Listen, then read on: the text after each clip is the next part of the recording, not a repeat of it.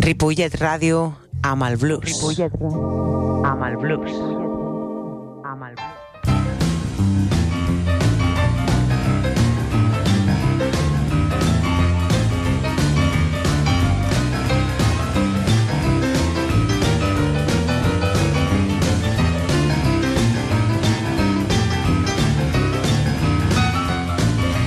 Molt bona tarda, benvinguts. Això és Blues Barrel House.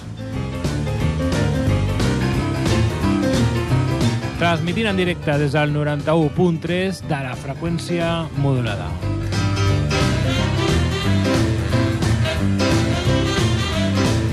El meu nom, com sempre, David Giorcelli, tot un plaer. I al so tornem a tindre el gran Jordi Puy.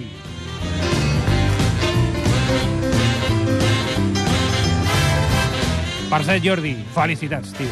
Tu has guanyat. Ets el number one. Bé, com a cada dilluns dins d'aquest espai, farem una travessia on el blues serà el principal protagonista. Recordem que és un gènere musical d'origen afroamericà, música d'arrel, música amb molta ànima. Ok, avui el fil conductor del programa serà l'Orga Hammond.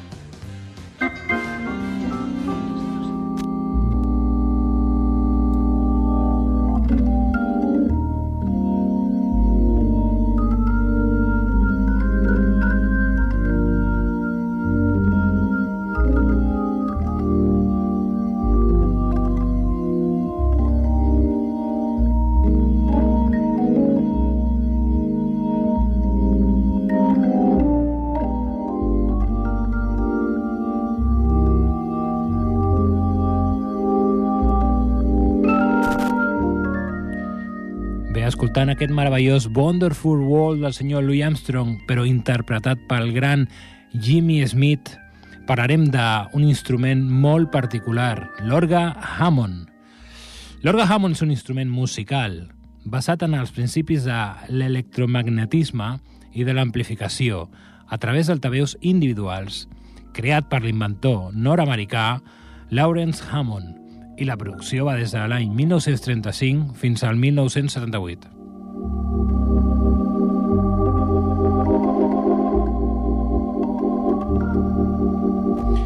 Podem dir que el súmum de l'orga Hammond va tindre lloc en les dècades de 1960 i 70, destacant-se en diversos gèneres musicals, tant en el jazz, el rock, també el soul, el gospel, el funk, el disc i l'esca.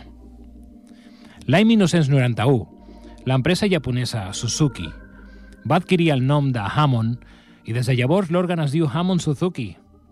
Sota aquesta marca, fabrica recreacions de l'instrument original, usant sons mostrellats de l'òrgan model B3 original. De tota manera, aquests productes són objecte de competència per d'altres fabricants de sintetitzadors i teclats, com Casio, Roland amb la seva sèrie B-K, Korg, amb les sèries CX i BX, Clavia, amb els Non-Electro, Non-Stage, i també amb Yamaha. No obstant això, a l'actualitat encara és possible adquirir noves versions digitals del model B3. Fins i tot, hi ha la versió de luxe i la versió portàtil. Anem a escoltar aquest meravellós Wonderful World.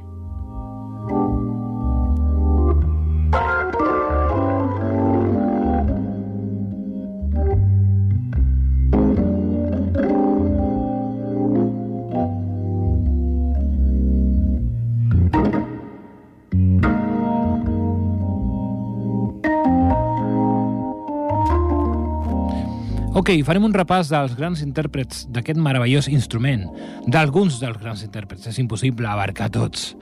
Però el primer protagonista no podia ser un altre, el gran Jimmy Smith. De fet, és el, el tema que estem escoltant de fons. Senyor Jimmy Smith va néixer en una família amb fortes inclinacions musicals. Va ser una mena de nen prodigi i va guanyar un concurs de nens prodigis als 9 anys. Al principi, durant la seva adolescència, va aprendre a tocar el piano. Després d'haver complert el servei militar, es va matricular l'any 1948 al Hamilton School of Music, on va estudiar el contrabaix. Després, als anys 49 i 50, va estar a Filadèlfia, a la Ornstein School of Music, a l'especialitat de piano. Al començament dels anys 50, durant la seva estada amb la formació gairebé de Rhythm and Blues, Don Gardner and his Sonotones, Smith va començar a tocar l'orga Hammond l'any 1951 i aviat va aconseguir una gran reputació que el va seguir fins a Nova York, on va debutar al Cafè Bohemia. A la fi de 1955, va formar el seu propi trio d'orga i va aplicar la seva concepció musical modernista a aquest instrument. Unes actuacions en Berland i el Festival de Jazz de Newport de l'any 1957 van potenciar la seva carrera. Els seus enregistraments per la Blue Note inclouen tant enregistraments en trio com amb nombroses col·laboracions. Smith va aconseguir també grans èxits amb Verve, un celler discogràfic, entre l'any 1963 i 1972, molts dels quals estaven protagonitzats per big bands de amb arranjaments d'Oliver Nelson. Anem a escoltar un tema sencer del senyor Jimmy Smith, un tema que es diu Blues in the Night.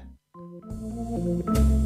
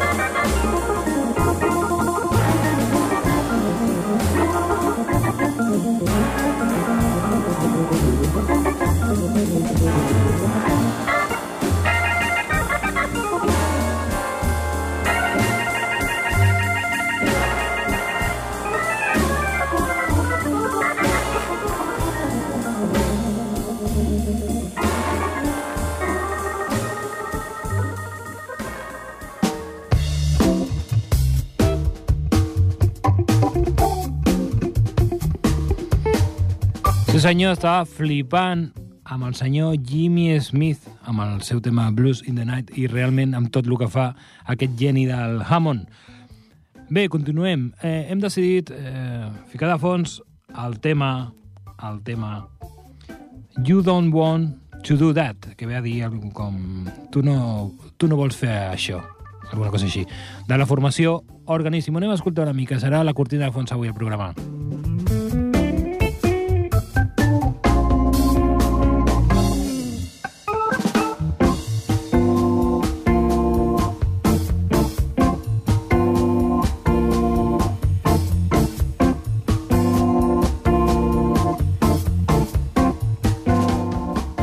Ok, continuem aquí a Blues Barrel House, avui parlant de l'Orga Hammond.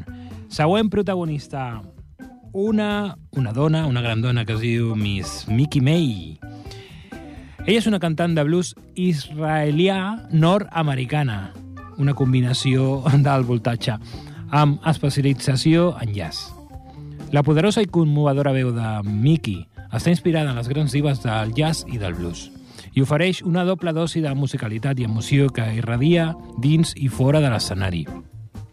A principis del 2016 va llançar el projecte de Organ Grinders amb Jan Korinek, músic i líder de banda txec de Hammond.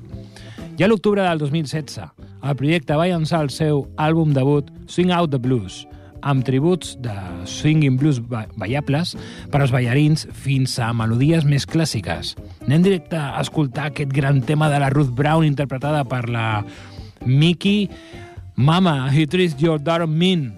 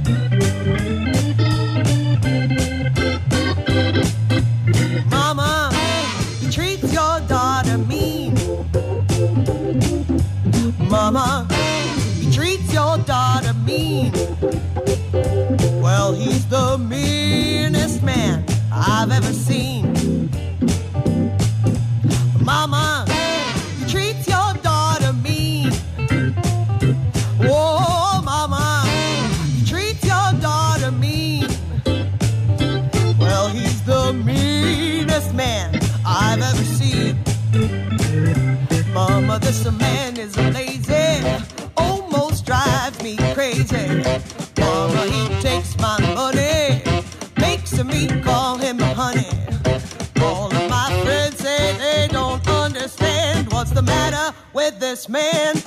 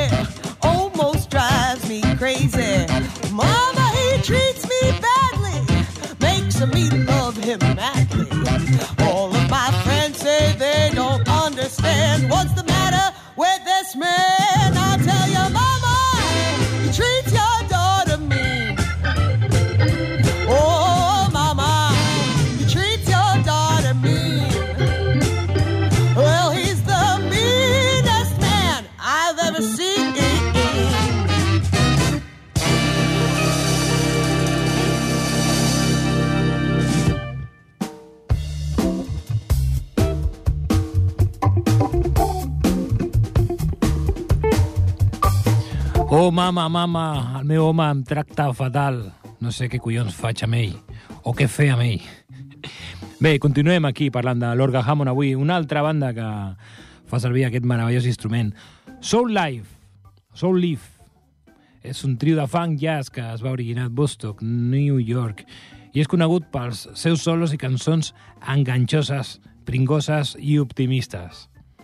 La banda està formada per Eric Krasno a la guitarra, Alan Evans a la bateria i Neil Evans, el germà, a l'orga Hammond B3. Tot i que es va originar com a trio, la banda ha treballat àmpliament amb diferents seccions de vent. La banda també va treballar amb el vocalista Toussaint Yeshua de l'any 2006 al 2007, pràcticament un any només. Anem directament a escoltar un tema d'aquesta formació, eh, un tema que van enregistrar en el seu treball Turning Out i que es diu Tabasco. House.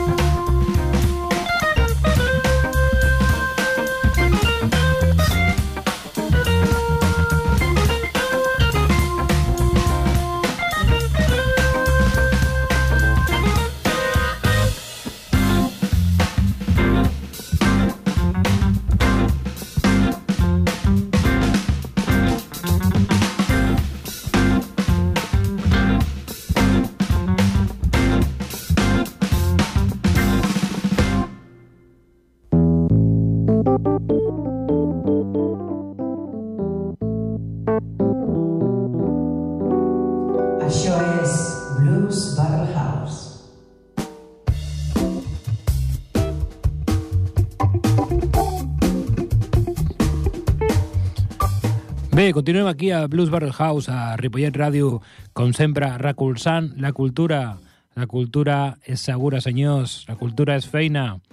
Eh, ja estan arribant les vacunes, així que hem de ser optimistes i mentre arriben sempre tenim el Jack Daniels esperant a un racó de casa. No n'hi ha excuses. Bé, següent protagonista. Senyor James Harrell McGriff, Jr., senyor que va néixer a Filadèlfia el 3 d'abril de 1936 i ens va deixar un 24 de maig de, del 2008. Jimmy McGriff va ser un organista nord-americà de jazz, blues, rhythm and blues, soul jazz i jazz funk, especialista en l'òrgan Hammond B3. Els seus pares tocaven el piano i entre els seus familiars estaven el saxofonista Benny Golson i el cantant de soul Harold Melvin. Encara que el seu primer instrument va ser el baix, aviat es va passar a l'orga Hammond, després de veure Richard Groove Holmes a un club a Camden, New Jersey. No obstant això, va entrar al servei militar i va estar a la Guerra de Corea com a policia militar. Que xungo, no? Un cop de tornada als Estats Units, va decidir estudiar per al cos de policia i després de completar la formació necessària va treballar en la policia de Filadèlfia durant dos anys i mig.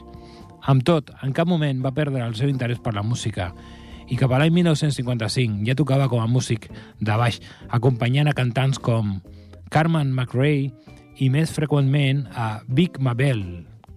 Més tard, als anys 60 i 70, va tocar a la banda de Buddy Rich, i a partir de 1986 amb el saxo Hank Crawford. Anem a escoltar un clàssic, un tema que es diu Red Sails in the Sunset dins de l'àlbum Groove Grease.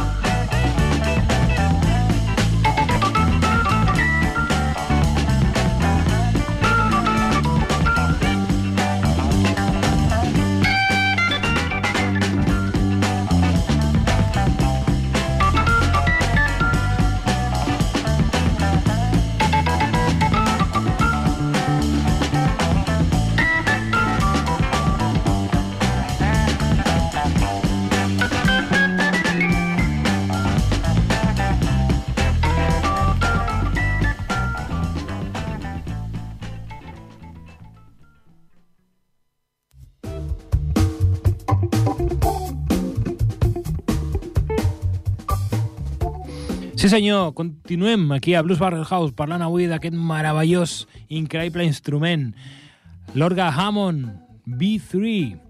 bueno, uh, dins de, de tota la gamma dels Hammond que n'hi ha, doncs aquest podríem dir que és una mica el més conegut. Molt bé, següent protagonista. Estem parlant d'un pianista i organista autodidacta que va començar a tocar en diversos clubs de Nova York abans de realitzar estudis a Cincinnati, Ohio, i rebre, rebre classes de el senyor Wild Bill Davis. Entre l'any 1956 i 1958 va tocar en el mig oest i a Chicago amb diversos artistes, abans de formar el seu propi trio. Estem parlant del senyor Jack McDuff. Ell va realitzar enregistraments amb Jimmy Forrest, Leo Wright, Red Holloway i d'altres, tocant a més amb la Big Band del gran Benny Golson l'any 1963, després amb Grant Green i ja el 64 amb George Benson. Ell va realitzar diverses gires per Europa i va actuar freqüentment en grans festivals, fins a finals de la dècada dels 70, tant tocant l'òrgan com el piano. Va realitzar més un gran nombre d'enregistraments, tant com a líder del seu trio com a acompanyant a Roland Kirk, Jimmy Witherspoon, King Curtis, Sonny Stitt, Jen Ammons, Kenny Barrell i d'altres. Anem a escoltar un tema que es diu Hot Barbecue.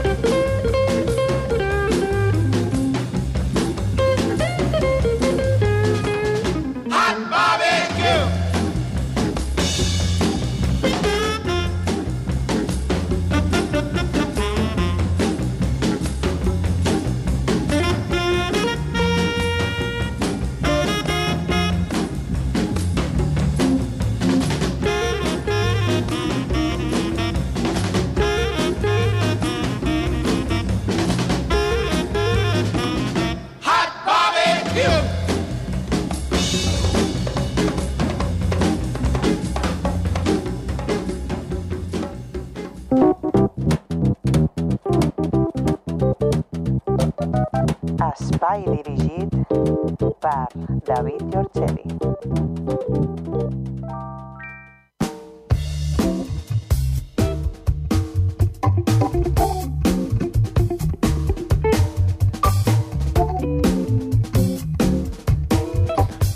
Ok, continuem aquí a Blues Barrel House. Següent formació, Booker T and the Midges.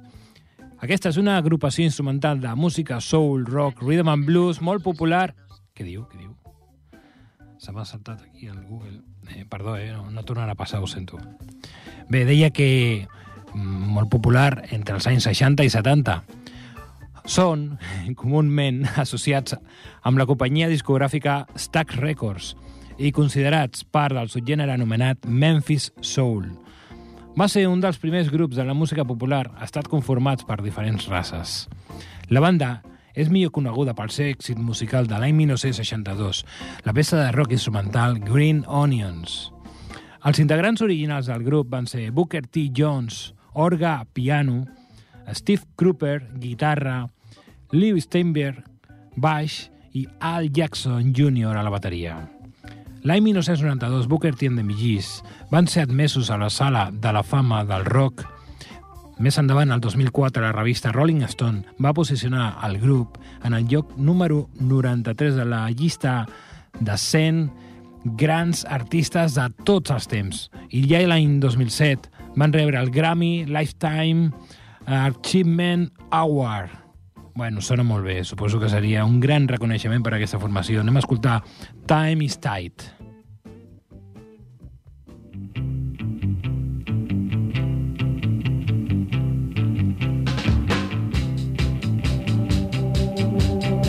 Musik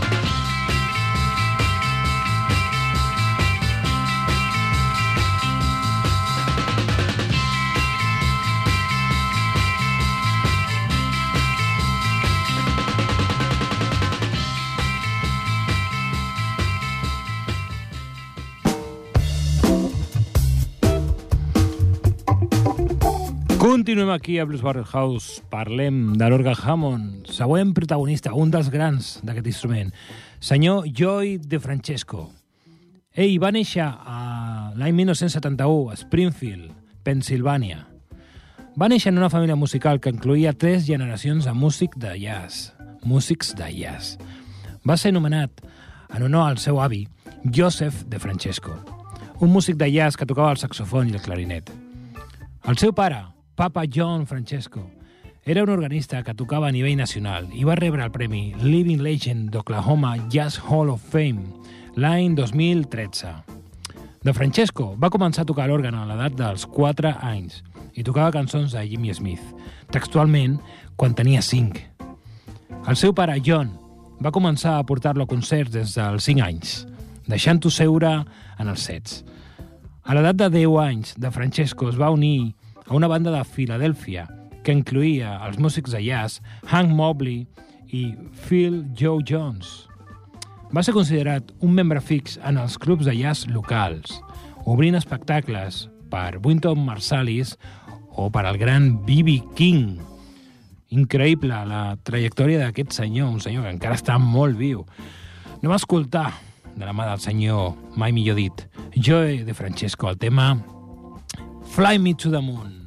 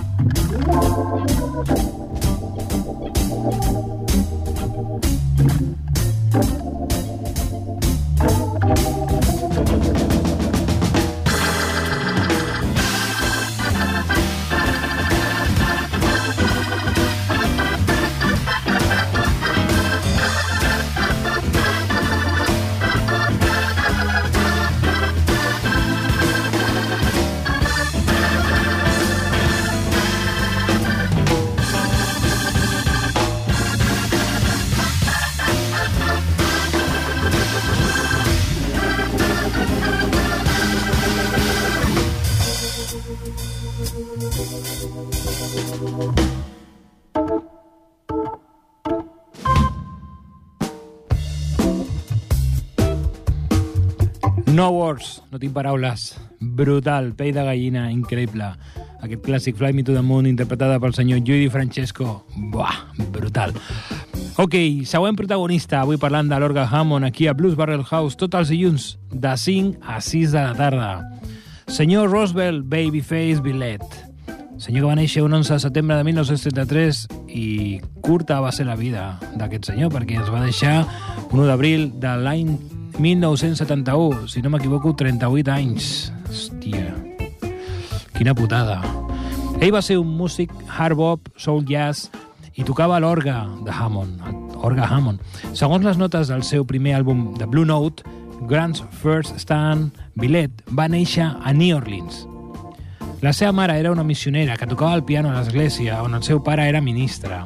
Com a resultat, les seves arrels musicals estaven en el gospel i Billet es va involucrar en la música tocant el piano per a diversos grups de gospel i va passar la seva primera carrera viatjant pels Estats Units, Canadà i Cuba. Va tocar el piano a les bandes de King Colax, Joe Houston, Johnny Otis i Big J McNeely, abans de passar a l'orga. També va tocar el piano i orga en un saló de barri al costat oest de Chicago. Ja l'any 1960 va arribar a la ciutat de New York, on va conèixer a Lou Donaldson i Grant Green, i va tocar en algunes sessions a Blue Note amb ells. Això va fer que Billet signés amb Blue Note, que va gravar el seu àlbum debut Face to Face de l'any 1961. Anem a escoltar un tema d'aquest gran senyor que es diu Roseville Babyface Billet, un tema que es diu Sinning Sam.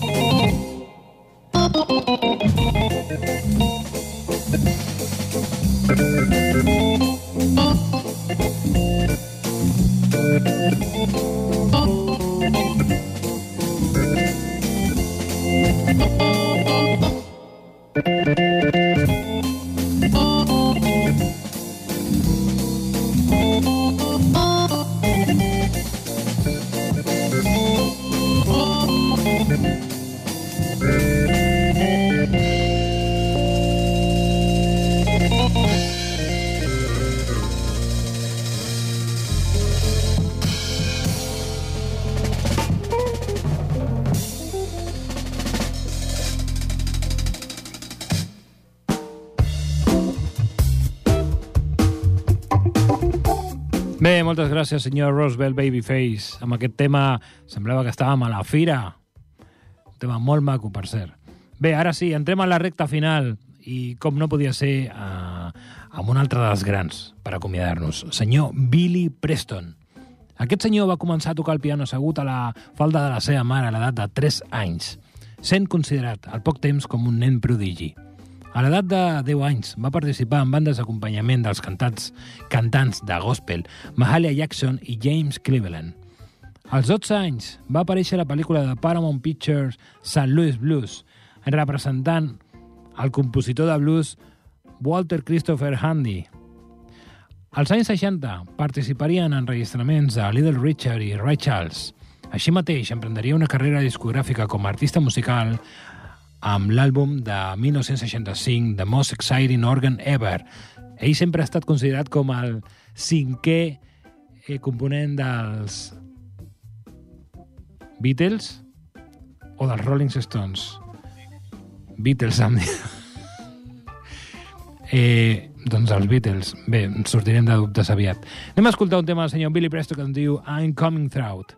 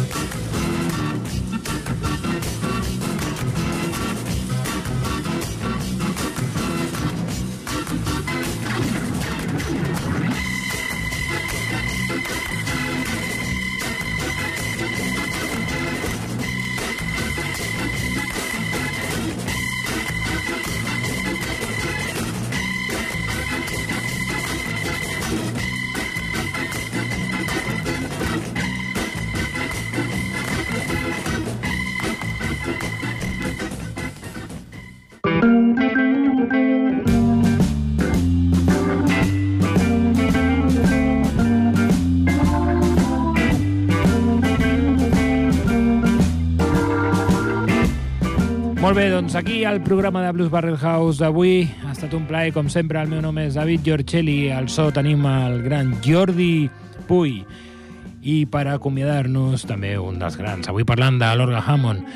I jo penso que un personatge imprescindible seria un contemporani. En aquest cas estem parlant del gran Bruce Katz. Ens sentim la propera setmana. Adéu!